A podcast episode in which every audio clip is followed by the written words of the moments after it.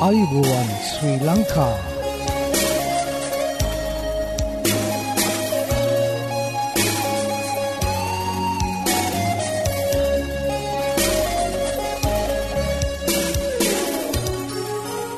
ඔබට සුපදවස මේ Adventist World radio බලාපොරොත්වය හඬ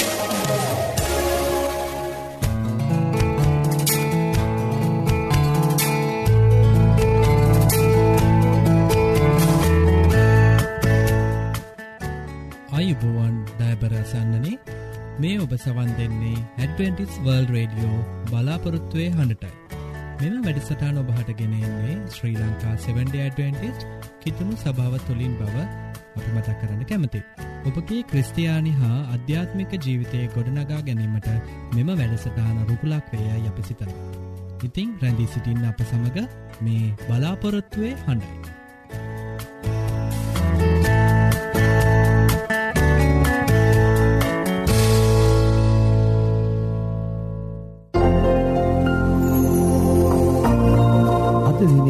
බයිබල් පාටය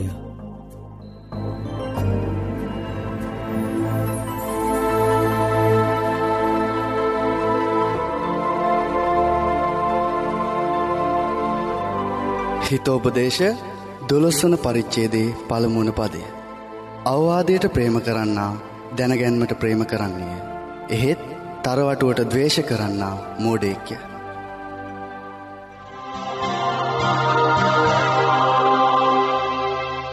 ඔබ මේ රැදි සිටින්නේ Sri Lanka Adventist world radio බලාපොරොත්තුවය හඬ සමඟයි.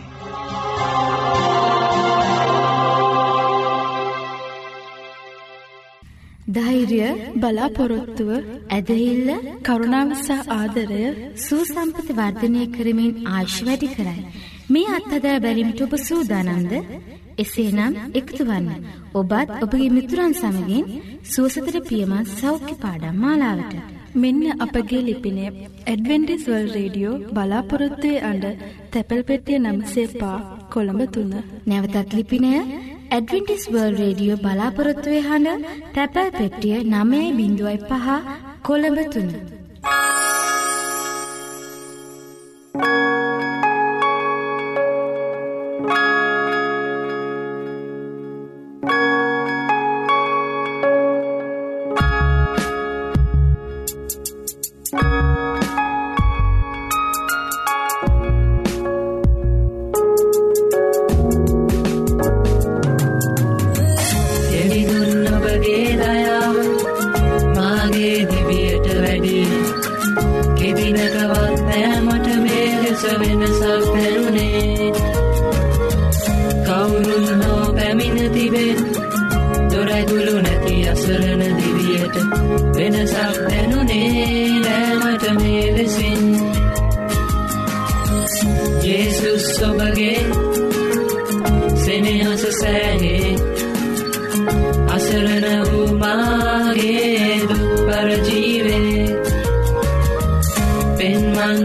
දෙවිදේ නිවැරදි වූ මාවත සැමදා ගෙන යනු මැනවී ඔබගේ කරුණා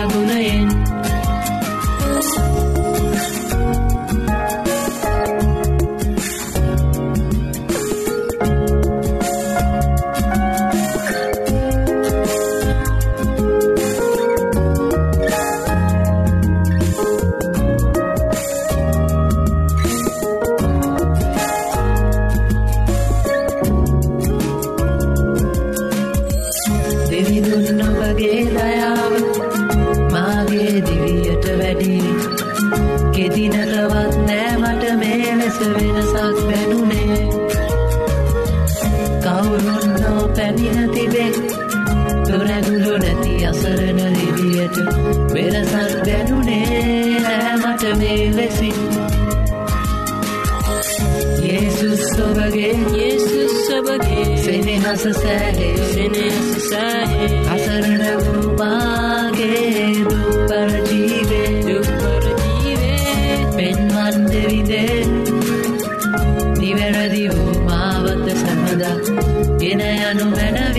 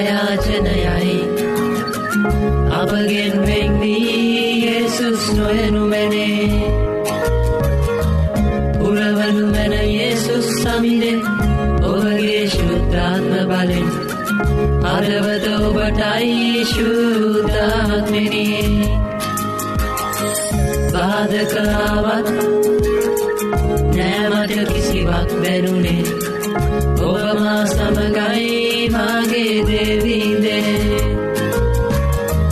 නැවතත් මේ ලෝකෙට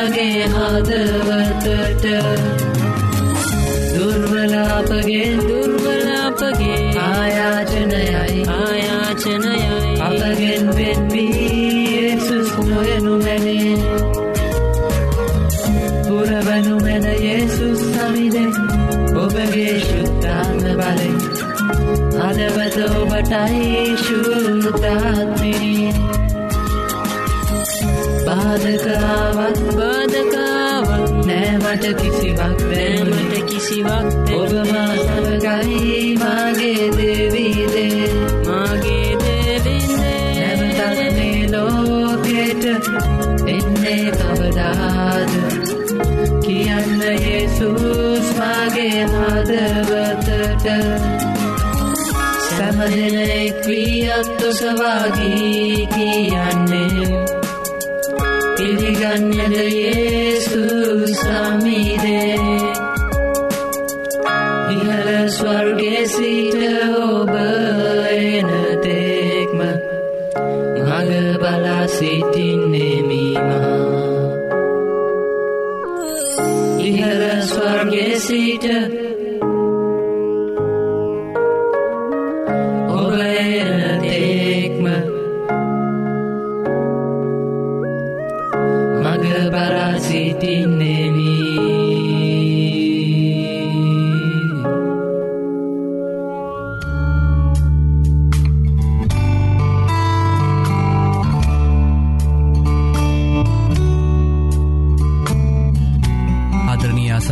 ඔබලාට ස්තුතිවන්ත වෙනවා අපගේ වැඩසටාන සමඟ රැඳි සිටීම ගැන ඉතින් මෙදැන් සිට අපි ඔබලාට දෙවන් වහන්සගේ වචනය ගැනීමට සූදනම් වී සිටිනා අද දේව වචනය ගෙනෙන්නේ මචින්ත දේවගෙතිතුමා විසින් ඉතින් ඔබලාගේ ජීවිතවලට නවාරුතක් එක්කරීමට දෙවන් වහන්සේගේ ආශිර්වාද එක්කිරීමට ඔහු විසින්ගේ නා ඔේ දේවචයට අපි අහුකම් දෙමු. පැඳී සිටින්න මේ බලාපොරොත්තුවී හඬයි.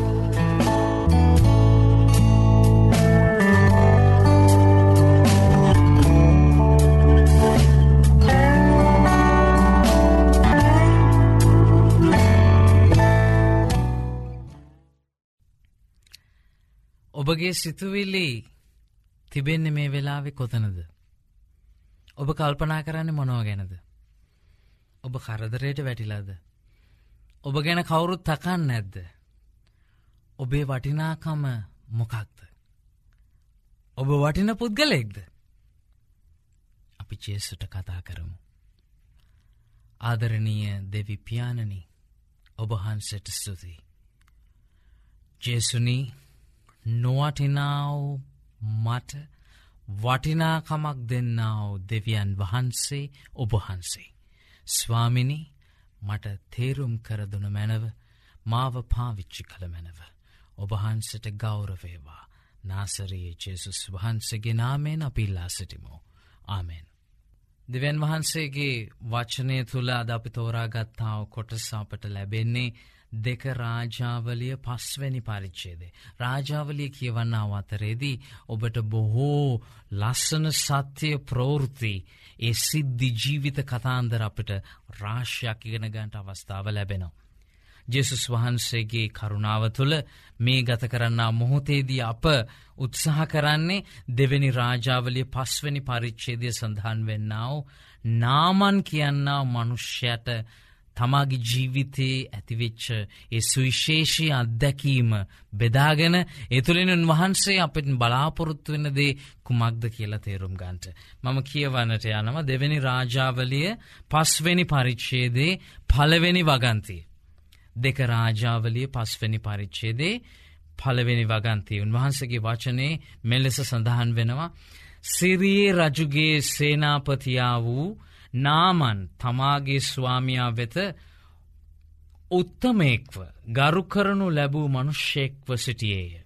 මක් නිසාද ඔහු කරණකොටගෙන ස්වාමීන් වහන්සේ සිරියවරුන්ට ජයදී තිබුණේ. මං ඔබෙන් විශේෂනිල්ලා සිටිනවා. සමහර වෙලාවට අපි බයිබලය කියවන්නා අතරෙදි අපිතනවා අපේ දෙවියන් වහන්සේ ඊස්රායිලයේ දෙවියන් වහන්සේ පමණයි කියලා.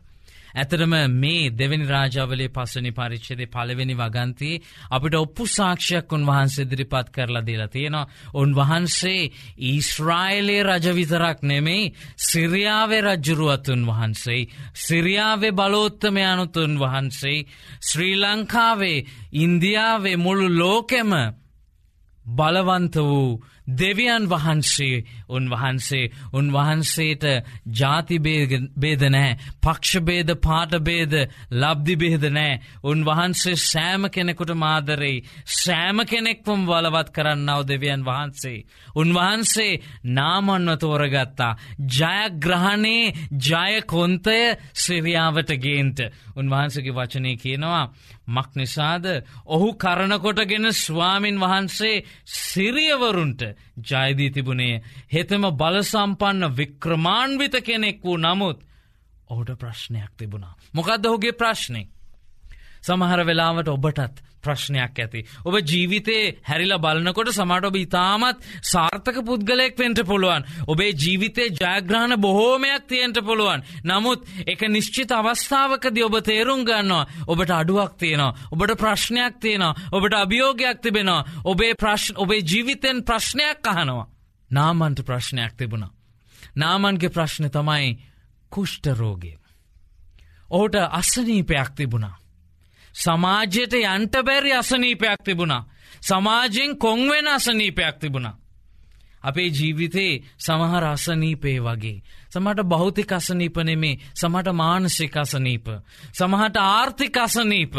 සමහට සාමාජී අසනීප පවුලෙ ප්‍රශ්න අපි හිතන විදිේ තියෙන අසනීප තත්ත්වයන්. නාමන් තිබුණා භෞතික ශරීරය අසනීප.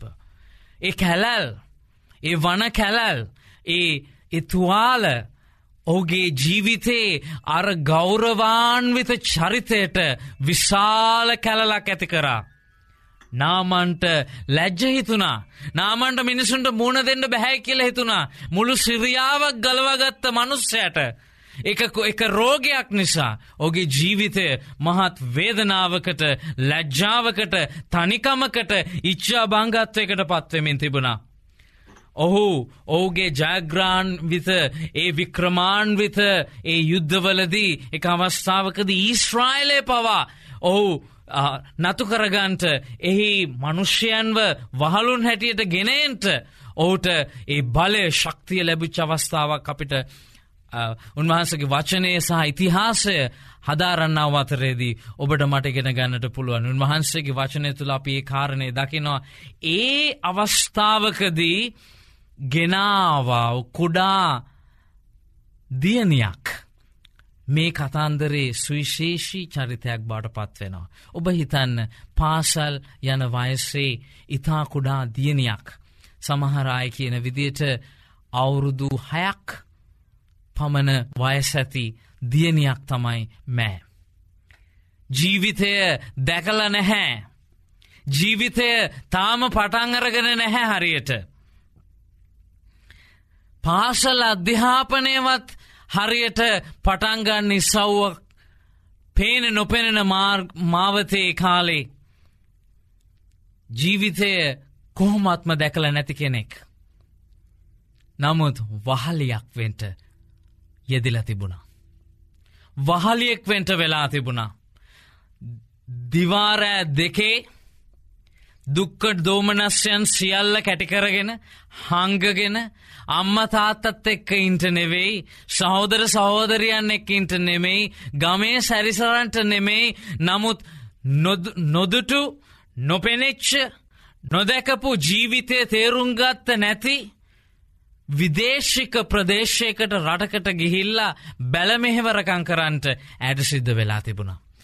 කෙනෙක් කියයි කොච්චර අවාසනාවන්ත කෙනෙක්ද. නමුත් ඈ එසේ හිතපු කෙනෙක් නෙමෙයි. ඈ ජීවිතේ ගණන්ගත නොහැකි මට්ටම කුඩා දැරියක් දරුවන්ට වඩා දැරියන්ට ඒ කාලේ ගැරහිලි ගොඩක් තිබිච්ච අවදියක ඇව කොංකරන ලද අවදියක කුඩා දැරියක් දැන් වහලයක් බවට පත්වෙලා වැඩ කරනවා. නමුත් තමාගේ ස්වාමියයාගේ මේ දුක තමාගේ සිතටත් දැනෙන්ට පටන් ගත්තා. මේ වහලිය හිතුවෙනෑ හොඳ වැඩේ. ඔහුම්මම තමයි වෙන්ටෝනි. සමහරලාට අපිත් කියනවා නේද. අඩුගාන අපි හිතනවාදහෙම.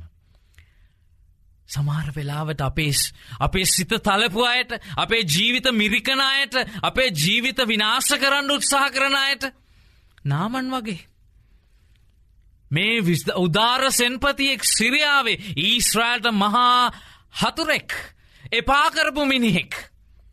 මෙන්න මේ දියනිය කුඩා දියනිය ඇ තමාගේ ස්වාමියයට ආදරය කරනවා ලෙංගතු වෙනවා ඔහුගේ ප්‍රශ්නයට සංවේදී වෙනවා. සංවේදි වෙලා ස්වාමිදූට කියනවා. ස්වාමිදූනී මම දන්නවා ඔබේ ස්වාමියගේ ප්‍රශ්නයට උත්තරේ. අපේ රටේ ඊස්රායලේ මනුෂ්‍යෙක්කින්නවා. මනුෂ්‍යගේ නම එලිෂා ඔහු දෙවියන් වහන්සේගේ මනුෂ්‍යෙක් එනිසා ඔහුට පුළුවන් ඔබේ මහත්තයට ඔබේ ස්වාමයට උදව් කරන්ට. කුඩා දැරියක් වාලියක් කියනදේ කෞුද ගණන් ගන්නේ. එල් එන්න වැලේ වැල් නැතිවුණහම මිනිස්සු ඕනමදේක. කැඩිල යන වැලක වුනත් එල්ලෙන්ට සූදානම් වෙනවා. නාමන්ට වෙන කරන්න දෙයක් තිබුණෙ නැහැ. ඔවු වියදං කරපු ඒ වියදම් කිරිල්ල. ඔවු නොගිය පුස්ථානයක් නැති තරං ඕගේ උත්සාහය සෑම දෙයක්ම කරමින් ඔහු හෙව්වේ මේ කැලල වහගන්ට මේ රෝගේ නත්මිදෙන්ට. එනිසා ඒ සියල්ලුම උත්සාහයන් ව්‍යර්ථ වෙන්නාව අතරේදී. ඉතා මිරිගුවක් මෙන් පෙනුනාව. කිසි බලාපොරොත්තුව තියාගන්ට බැරිමෙන් පෙනුනාව මේ යෝජනාවට මේ උදාරෂන්පතියා. සිරියාවෙසන්පතියා ජනරාල්වරයා තීරණය කරනවා මම මේකට ඇහුන්කන් දෙනවා. ඔහු යනවා. ඕගේ ගෝලබාලයනුත් එකතු කරගෙන ඊස්්‍රායලයට යනවා. එලිෂව හොයාගෙන දෙවියන් වහන්සේගේ මනුෂ්‍යයෙක් ඉන්නකොට උන්වහන්සේගේ ඒ ගැඹුරු සම්බන්ධතාවය අත්දකින කෙනෙක් ඉන්නකොට මනුෂ්‍යය හොයාගෙන එනවා. ඒ කෙතරම් බලවත් කෙනෙක් වුණත් කෙතරම් ශක්තිමත් කෙනෙක් වුණත් ජේසුවෝනේ ඒ සැබෑ සන්තෝසය ප්‍රීතිය උත්තරේ ලබන්ට ජේසුවෝනේ මෙන්න හොයාගෙන එනවා. මෙන්න හොයාගෙන එනවා එලීශාව නාමන් උදාර සැන්පතියෙක් හොයාගෙනෙන්නේ සුවයයි. හොයාගෙන එන්නේ උත්තරේ. එලීෂා තම ඒ ගෝලබාලෙක් වෙච්ච ගෙහාස්්‍රිව තමාගේ ඒ ප්‍රපේත පාසල්වල බොහෝ අයට දෙවන් වහන්සගේ වචනය කියා දෙමින් උන්වහන්සේ සමඟ ගැඹුරු සම්බන්ධතාවක ගමන් කරමින් මනුෂ්‍යයන්ව දිරිගන්වන්නට මනුෂ්‍යන්ව හසුරුවන්ට උගන්නනම් පාසල් රාශයක් මෙයාය ස්ථාපිත කර තිබුණා එයින් කෙනෙක් ගෙහාසි ගෙහාසිව පිටතට යවනවා නාමන්ට කතා කරන්නට. එලීෂා එලියටවත්තාවෙ නැහැ. ඔහු තමාගේ සේවකයා ඒ ගෝලයා අතේ පනිවිඩයක් යවනවා. ඔබ ගිහිල්ලා. ජොර්දාන් කියන ගඟෙන් ජොර්දාන් ගඟෙන් හත්වරක් ගිලිල නාන්ට ඔබ ස්වය අත්දකින්ට යනවා.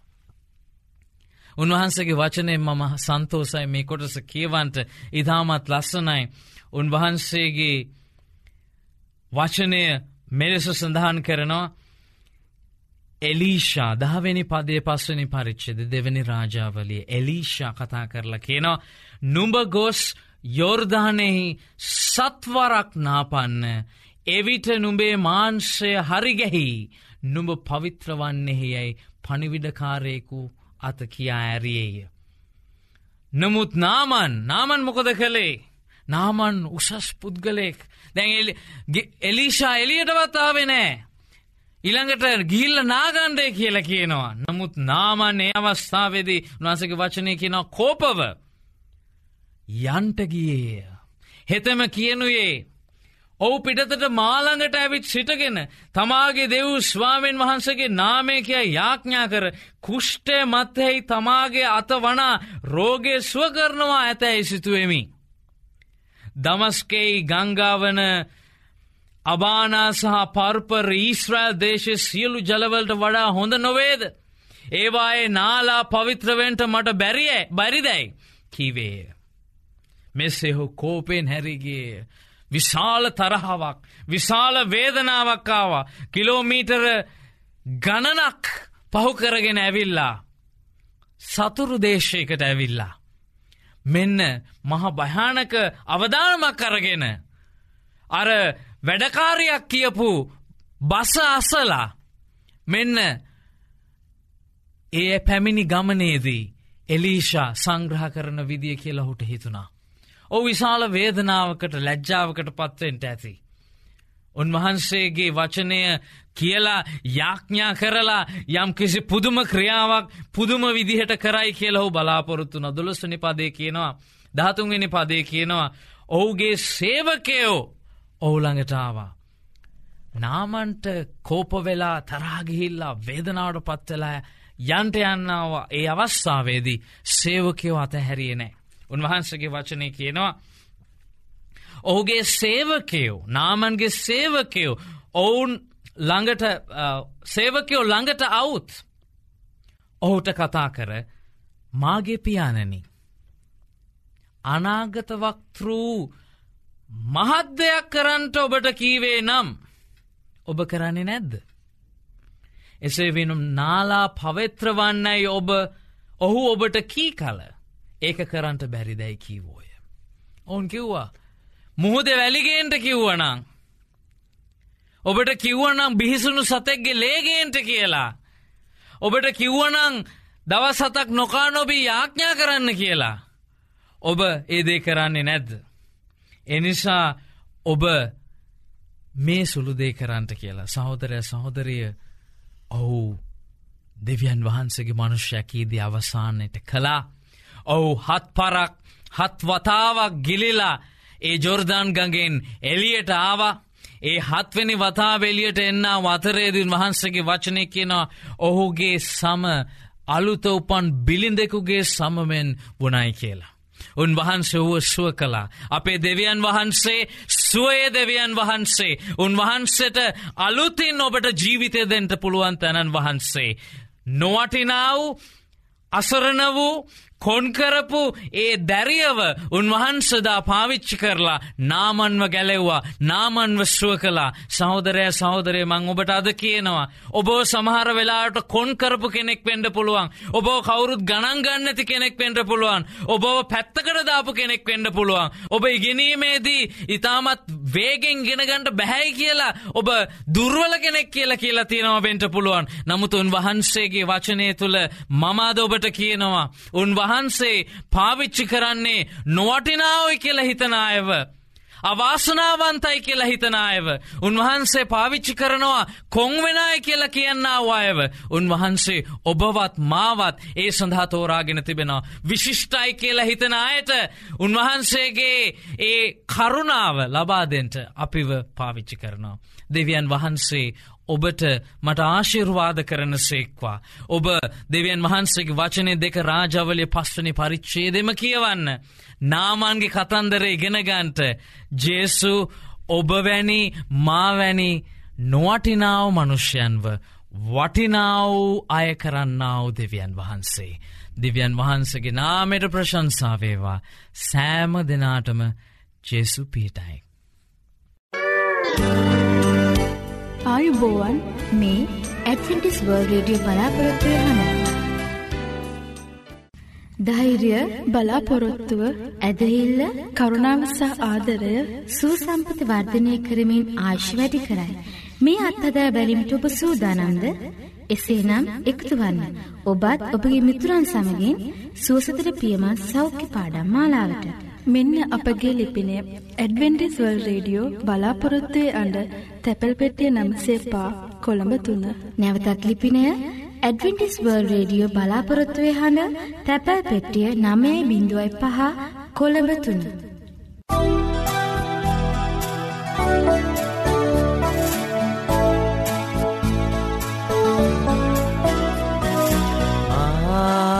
පව්කලා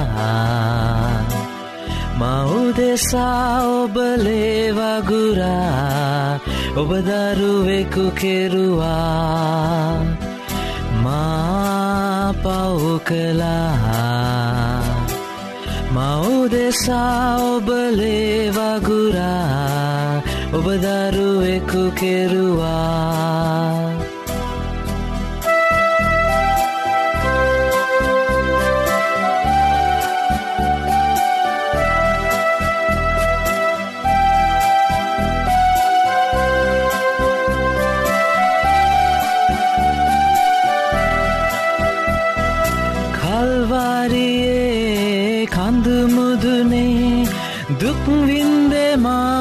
නිසා කල්වාරයේ කඳමුදුනේ දුක්වින්දේ මවුදෙසා ඔබේ අත්පාවල ඇන ගැස්සුවේ මකල පවුදෙසා කලා